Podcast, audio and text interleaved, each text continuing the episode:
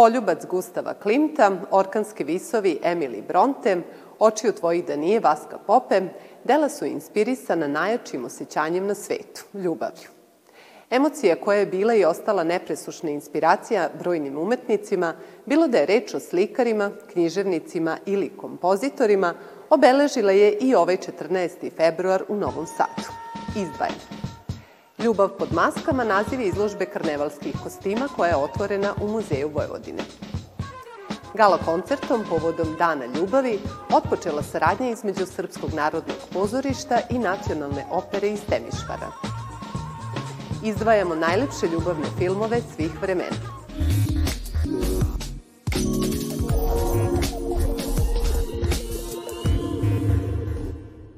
Gotovo dve decenije dizajnerka Vesna Jakić bavi se istraživanjem i kreiranjem kostima i maski.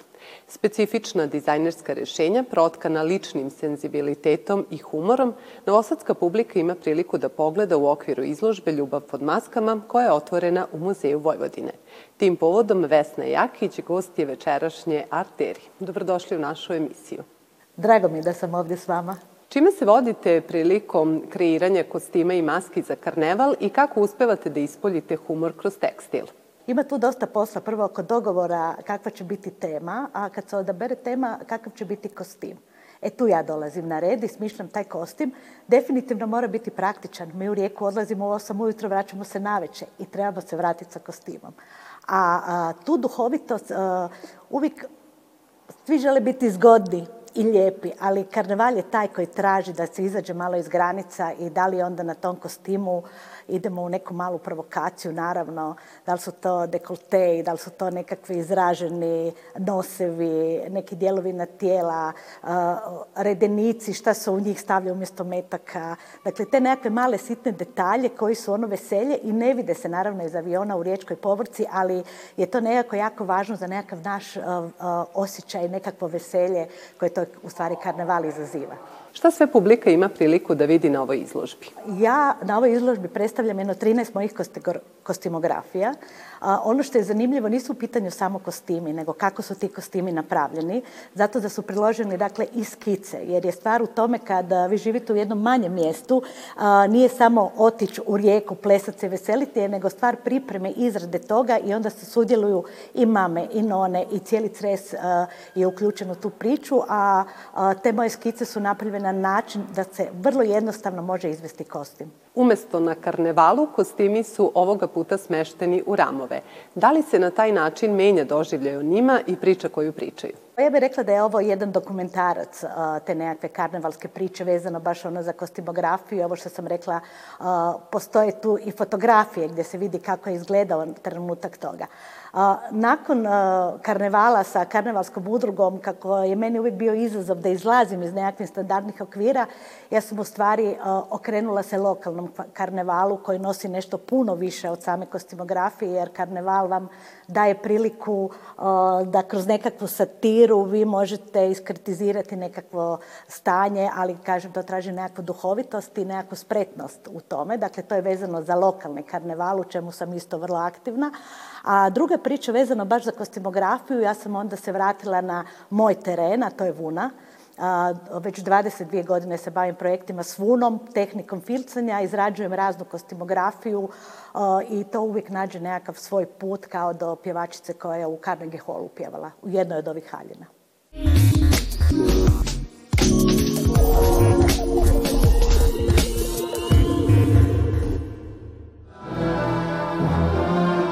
Ljubitelji klasične muzike imali su specijalnu priliku da Dan zaljubljenih provedu u Srpskom narodnom pozorištu, gde su na sceni Jovan Đorđević, solisti naše i temišvarske opere izveli neke od najpoznatijih i najlepših operskih arija. Gala koncert, čija je centralna tema bila ljubav, ujedno predstavlja i početak muzičke saradnje Novog Sada i Temišvara. Danas je potpisan uh, uh, ugovor o saradnji između Srpskog narodnog pozorišta u Novom Sadu i nacionalne opere iz Temišvara, tako da uh, njihovi solisti i prvaci opere večeras gostuju zajedno sa našim solistima, horom i baletskim parom. Pod dirigentskom palicom Dejana Savića uz vokalne bravure Narcise Brumar, Kozmina Ifrima, Jelene Končar, Saše Petrovića i brojnih drugih, publika je uživala u arijama, duetima i orkestarskim delima. Neki od kompozitora koji su se našli na programu su Bize, Dvoržak, Pučini i Verti. Uglavnom e, je izabran repertoar koji prati tu neku tematiku ljubavi. Tu su ljubavni dueti i arije koje se osvrću na ljubav, a znamo da ljubav može biti i vesela i bolna, tako da imamo različit repertoar. Skoro puna dva sata uz neke od najlepših melodija klasike, novosađani su uživali u muzičkim talentima naših dobro poznatih solista, a ujedno se upoznali i sa rumunskim izvođačima. Nakon večerašnje ozvaničene saradnje možemo samo da željno iščekujemo buduće projekte.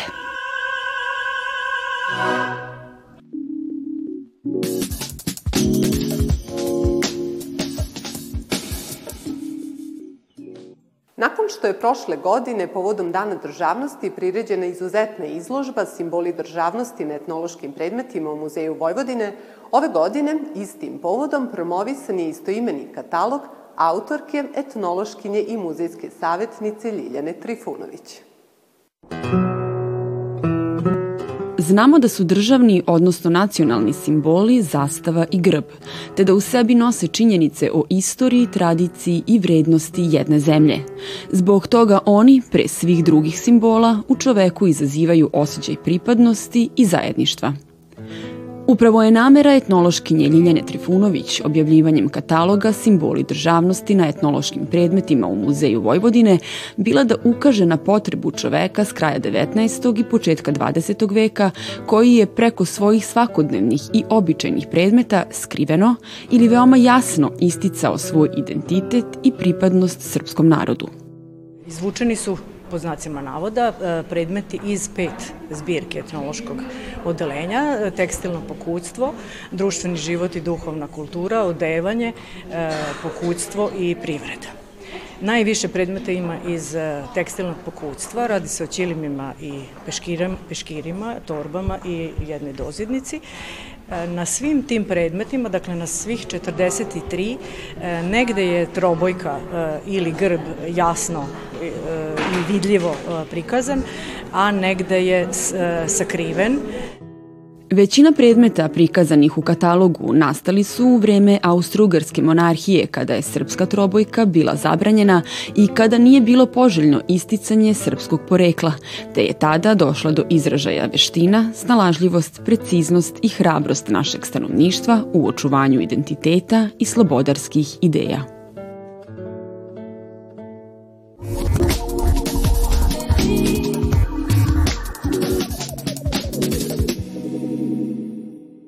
Pred nama su dva neradna dana, a to znači i više vremena za kućni bioskop.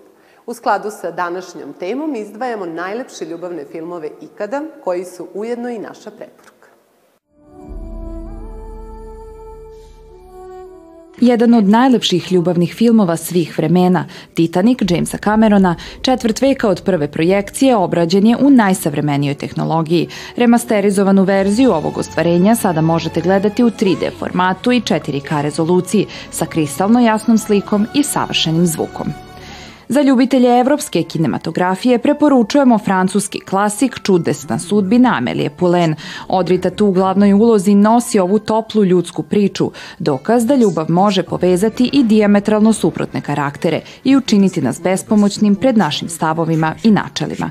Moderna bajka u režiji Žana Pjera Ženea donosi lepršavost parijskog života, grada koji nas gotovo magično opije uskim uličicama, a tradicionalna francuska harmonika pruža osjećaj ušuškanosti i bezbrižnosti. Remek delo iz zlatnog doba Hollywooda, film koji se smatra jednim od najromantičnijih svih vremena, Casablanca, donosi priču o ženi rastrzanoj između dva ljubavnika, emocija i dužnosti. 80 godina nakon premijere, ovaj film o ljudima koji svoj spas od nacističkog režima traže na obalama Severne Afrike i danas intrigira. Osam decenije kasnije, gotovo neverovatno zvuči izraz evropski migranti. Ljubavna priča između Amerikanca Rika i Ilze Lund, žene koja beži od nacističkog režima, a koje su maestralno odigrali Humphrey Bogart i Ingrid Bergman, snimljena je 1942. a prikazana tek naredne godine. U Nemačkoj je film emitovan tek sedam godina kasnije i to u skraćenoj verziji od 25 minuta u kojoj se nije spominjao drugi svetski rat, već je film sveden na običnu ljubavnu romansu. Bilo bi to sve od ekipe Arterije za ovaj utorak, a naredno druženje zakazujemo za petak. Uživajte u mini odmoru. Svako dobro.